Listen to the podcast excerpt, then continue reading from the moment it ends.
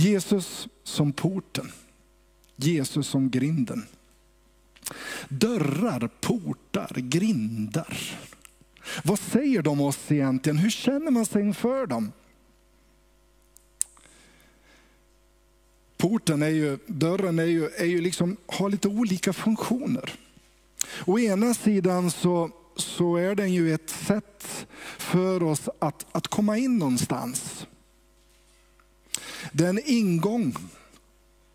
Och samtidigt är det någonting som stänger ute. Vi skyddar oss bakom våra dörrar. I antiken så var portarna väldigt viktiga.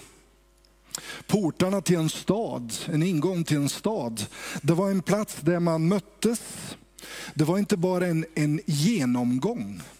Utan på den tiden så möttes man där för att samtala, för att göra upp affärer. Det var ofta där som man fick betala skatt. Ni ser, det är inget nytt. Och Det var också där man hade domstolar. Man kunde sitta där och döma olika frågor mellan olika personer. Så man samlades vid portarna, man möttes där, man tog, gjorde affärer där. Och just den här bilden som vi ska komma till nu, som handlar om fårporten, eller porten till fåren, fåren. Det var ju också en, en, en, en plats som var till beskydd. Där la sig herden, där vilade han, sov han, men han vaktade fåren. Så porten är väldigt viktig. Och jag tänkte så här, bara som inledningsvis, vad säger våra dörrar om oss? För en hel del år sedan så gjorde jag ett, eh, fick jag för mig att jag skulle göra ett arbete och eh, kolla vad säger dörren till en kyrka? Och jag besökte en hel massa kyrkor. Jag ska inte visa alla de bilderna nu för att då håller vi på med det resten av dagen. Men ett par kyrkor tänkte jag på. Den här kyrkan var jag inne i. Ja, det är en mormonkyrka i Campinas i Brasilien. Och om du ser på den här porten, ser du att det står några människor längst ner där? Och jag var inne och frågade dem, vad vill ni säga med denna port, med denna dörr? Och då sa de till mig, man ska känna sig liten inför Gud. Ja. Sen var jag till en annan kyrka.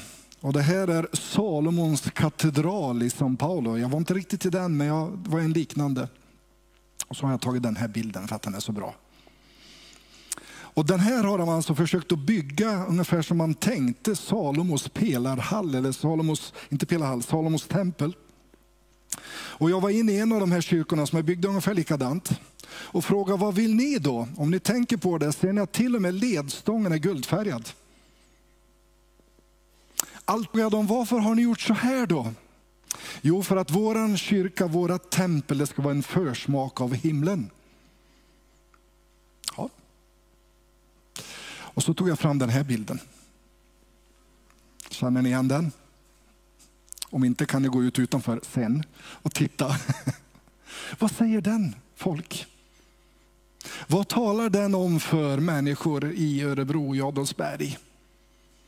Om de kommer fram till våran kyrka, till våran dörr, vad tänker de på då? Jag ska inte svara på det, det får du tänka på själv. Ja, det var en parentes. Nu går vi till själva texten som jag har tänkt vi ska hålla då. Och det är från Johannes 10 och de första 10 verserna. Och så här står det. Jag säger er sanningen, det är alltså Jesus som säger det här. Den som inte går in i fårfällan genom porten utan tar sig in från ett annat håll, han är en tjuv och en rövare. Men den som går in genom porten är fårens herde. För honom öppnar portvakten och fåren lyssnar till hans röst. Han kallar på sina får och nämner dem vid namn. När han har fört ut alla utan flyr från honom, för de känner inte främlingens röst. Denna liknelse berättade Jesus för dem, men de förstod inte vad han ville säga dem. Då sa Jesus en gång till. Jag säger er sanningen, jag är porten till fåren. Alla som har kommit före mig är tjuvar och rövare, men, porten har inte men fåren har inte lyssnat till dem. Jag är porten. Den som går in genom mig ska bli frälst och han ska gå in och gå ut och finna bete. Tjuven kommer bara för att stjäla, slakta och döda. Jag har kommit för att de ska ha liv och liv i överflöd. Den här texten, precis som alla andra bibeltexter, är viktig att tänka på i vilket sammanhang den står. Det är alltid så. Jag tycker det är viktigt att läsa före och efter, det har jag sagt och ni hört. Och här är berättelsen som är en lite annorlunda berättelse. Jesus helar en man som har varit blind. Och han gör det på ett litet, ska vi säga, äckligt sätt. Han spottar ner i marken, han gör lite deg av det där spott och leran där och så smetar han det i ögonen på den här mannen. Vi fick höra en predikan om det för några veckor sedan med Jonas från Sjukhuskyrkan som var här och predikade. Och säga vad man vill om Jesu metod, det funkade ju. Men ledarna på den tiden tyckte att det där var helt fel. Därför att han gjorde det på en lördag. Och lördagar för dem var ju heliga dagar när man inte arbetar. Och när han spottar och gör lite deg, då arbetar han och det ska man inte göra. Så det var viktigare att hålla lagen, det var viktigare att hålla i de där små principerna som man hade hittat på, än att hela, än att ge nåd och helande. Och så börjar Jesus säga, jag är porten. Och så börjar han tala om rövare och tjuvar och sådana som kommer in och som inte ger liv för fåren. Tror ni det är ett sammanträffande? Inte alls. Jesus vet mycket väl vem han riktar det här till och de vill inte förstå riktigt vad han säger så han tar om det. Okej, ni förstod inte, jag är porten. Den som kommer in genom mig, han kommer med liv. De andra, jag vet inte om de ville förstå fortfarande. Men egentligen är väl det här bildspråket ganska eh, svårförståeligt ibland, eller hur? Jag menar, vem av oss, jag vet inte om någon av er har skött får någon gång? Jag har aldrig gjort det, jag har aldrig varit bonde eller skött något sånt. Det är kanske någon av er som har skött andra djur på olika sätt. Och Det här med att sköta får det har sina grejer och vi ska inte prata så mycket om det. Men en annan sak kan man ju fundera på, vem vill vara fårskalle idag? Jag menar, Jesus kallar oss för får. Jag vill inget får heller. Jag vill vara oberoende, jag vill ta mina egna beslut, jag vill inte styras av någon annan. Och Jesus talar om får som följer en herde. Bild vi kanske inte jättemycket tycker om. Men han visar ändå på hur vikten är att herden ska finnas där. Och vi kommer att komma tillbaka till det här med att Jesus är herden om ett par veckor. Men ändå är det viktigt att komma ihåg att, att Jesus han, han är också herden som för fåren ut i bete, bete, som för in dem i skydd igen. Och, och fåren känner sin herde. Och det är viktigt. Och när en främmande kommer, ja, då är en tjuv och rövare. Just det här herdemotivet, det är väldigt viktigt, finns på många olika ställen. Men som sagt, vi kommer tillbaka till det. Så idag säger Jesus, jag är porten eller grinden. Två gånger dessutom. Vad betyder det då? Ja, det betyder ju lite olika saker. Först enklast, rakt fram, betyder det helt enkelt att Jesus är den enda vägen in till Fadern. Det betyder helt enkelt att Jesus gör anspråk på att vara svaret från den gode Fadern som vi sjöng om nyss. Good Father. Det är han som är den som Gud har sänt. När Gud ser att vi var som får utan herde, står det någonstans i Bibeln, så skickar han då Jesus och säger att ja, här har ni dörren, här har ni vägen till Gud, här har ni frälsningen. Och Det är ju det första som blir väldigt klart i den här texten. Och Det ska vi också komma tillbaka sen när vi pratar om Jesus som den enda vägen, vägen, sanningen och livet. Men det är ändå det, det grundläggande att komma ihåg. Jesus är porten in till gemenskapen med Gud. Men eh, det finns lite mer i den här texten. Det står att han är grind och så står det att han är grinden in till fåren och grinden för fåren. Och där fastnade jag när jag höll på att jobba med det här. Och ibland så kämpar man med texter och kämpar med saker. Och vad är det Jesus säger? Vad är det för anspråk han har på allt detta? Om han är grinden in till fåren, för vem då? Ja, jag tror faktiskt att i första hand handlar det om att Jesus är grinden in till dem som ska sköta om fåren. Och jag tänker faktiskt rent ut på ledare, pastorer, på personer som säger och vill ta ett ansvar för Guds församling på olika nivåer.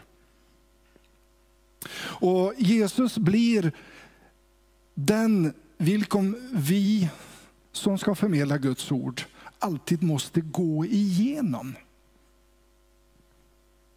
Det blir så att herden, den som ska vakta jorden, måste ha sin relation, måste ha sin referenspunkt i Jesus Kristus.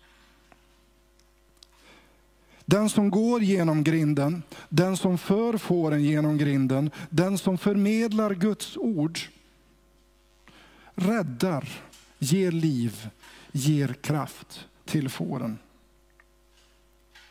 Motsättningen blir väldigt klar när han talar om tjuvar och rövare.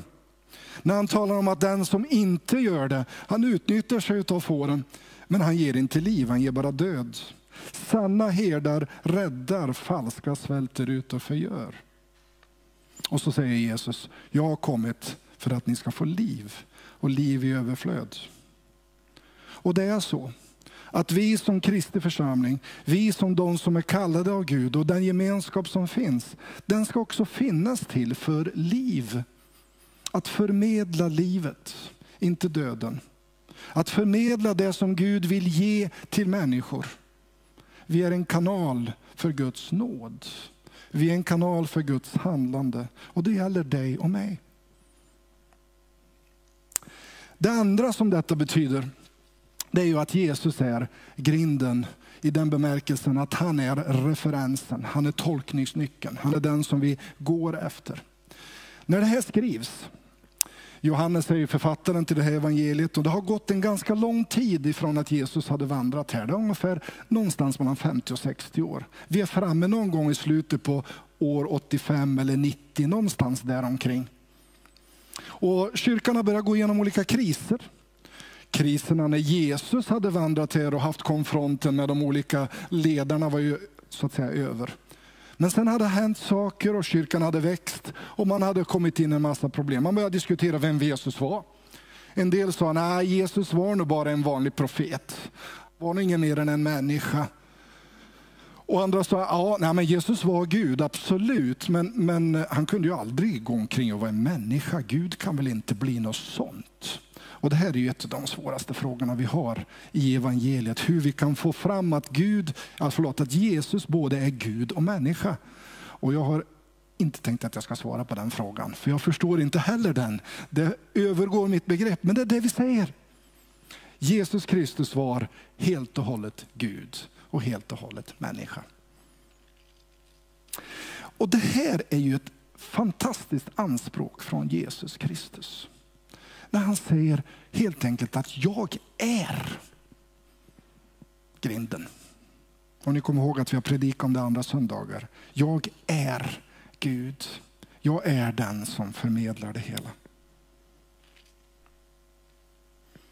Jag tänker mig att om vi har detta som sanning för oss, så betyder det att allt vad vi gör, allt vad vi handlar om, allt vad vi predikar, allt vad vi gör i kyrkan relaterar till Jesus Kristus. All undervisning, all predikan, allting som sker i våra kyrkor, det måste vara centrerat till vem Jesus är. Annars blir det här bara en klubb. Annars blir det här bara en förening där vi har trevligt tillsammans och det är jättebra. Men ändå så måste det vara så att Jesus är grinden och ingen annan. Jesus är centrum utav allt, sjunger vi ibland. Jesus kom att vara centrum i mitt liv, kom att vara centrum bland ditt folk, sjunger vi. Och jag hoppas att vi inte bara sjunger det, utan det är någonting som verkligen är det vi vill göra. så står det härligt att det är en öppen grind. Jag är porten. Den, går, den som går in genom mig ska bli frälst. Och han ska gå in och gå ut och finna bete. Och det där, vad då gå in och ut? Eh, det räcker väl med att komma in, sen är vi där. Eller? Jag tror att vi människor har, har en tendens att vilja väldigt gärna låsa in saker och ting. Vi tänker oss människor och så tänker vi, vilka är innanför? Och så sätter vi en gräns och säger att om du gör så, tror så, om du handlar på det sättet, ja då är du inne. Annars är du ute. Och vi sköter grinden. Vilka som får komma in och vilka som får gå ut. Det är inte så det står. Jesus säger att han är grinden. Så alltihopa handlar inte om vad som är gränserna, utan vem som är centrum. Vi har som tema i vår församling närmare Jesus, närmare varandra, närmare andra. Ju närmare Jesus vi kommer, desto bättre är det. Jag förstår att det finns behov ibland av att sätta gränser. Det behöver vi som förening, som mycket väl. Men ibland så gör vi liksom av gränserna det som är det viktigaste. Och ibland så blir det väldigt svårt för den som råkar finnas på fel sidan om gränsen att komma in. Och för en del kan det kännas väldigt trångt och väldigt instängt att vara inför de här gränserna. Du började Gudrun med att läsa Jesus Kristus, du är min trygghet. Det är inte Korskyrkan i Adolfsberg som är min trygghet. Det är inte någon kyrka som är min trygghet. Det är inte där jag lägger min trygghet. Även om det är jättebra att vara tillsammans och det är skönt och bra. Jag har min trygghet i Jesus Kristus. Det är honom jag relaterar till.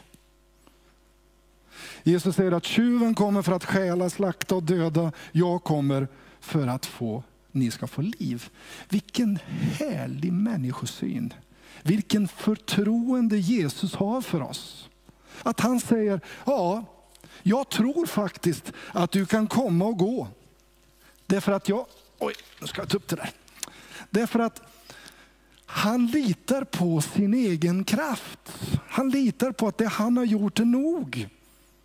Han behöver inte sätta en grind som är stängd. Det finns en grind där han säger, ja, kom in, få vila. Det vad det betyder, för då kan vi hålla på hur länge som helst. Men det här är centralt i evangeliet. Jesus är grinden, en grind som står öppen för frihet och stängd när vi behöver trygghet. En öppen grind som säger, Jesus säger till oss, du är alltid välkommen till mig. Jag är här. Kom. Och han litar på att vi kommer tillbaka för han vet den kraft han har. Och samtidigt säger han, ja, behöver du trygghet? Behöver du stänga? Men kom in då. Här är jag. Jag bevarar dig. Jag finns med dig. Bara i dig har jag min trygghet. Det finns en legend för att avsluta, eller en historia från Portugal. Om en man i Leiria, den stad i Portugal, som var väldigt rik. Och han var livrädd för att tjuvar skulle stjäla hans saker. Så han tänkte ut en plan. Han byggde tre ställen och i var och en av dem så satte han en dörr. Och bakom en av de här dörrarna la han alla sina rikedomar och alla sina skatter. Och så lät han lägga ut en, eh, en, eh, vad ska säga, en, en berättelse som alla fick reda på i stan på olika sätt. Att bakom de andra två dörrarna så fanns en säker död. Ingen vågade gå och kolla. Det var ju bara 33 procents chans att han skulle ta rätt dörr. Så han hade sina skatter i fred. Det finns många dörrar i vår tid som vi kan gå in och in ut igenom. En del av dem kan vara riktigt trevliga och det kan hända väldigt mycket saker i dem. Men det finns bara en dörr som leder till livet. Det finns bara en dörr, Jesus Kristus. Han som är dörren. Och vi vet vad som finns där bakom. Jag har kommit för att ni ska få liv, i liv i överflöd. Vi sjöng här alldeles nyss, stor är din trofasthet. Där bakom den dörren så möter vi den trofaste guden. Det är många som inte vågar knacka på dörren och veta vilken dörr det är. Eller många kanske inte vet vilken dörr det är. Där har du och jag ett uppdrag att berätta om det. Vi ber tillsammans. Tack Jesus. För att du kom för att vi skulle få liv. Du kom därför att vi i vår svaghet, vi i vår synd inte kunde komma till Gud. Men så kommer du. Och du är vägen till Fadern. Du är dörren in till där gemenskapen med Gud.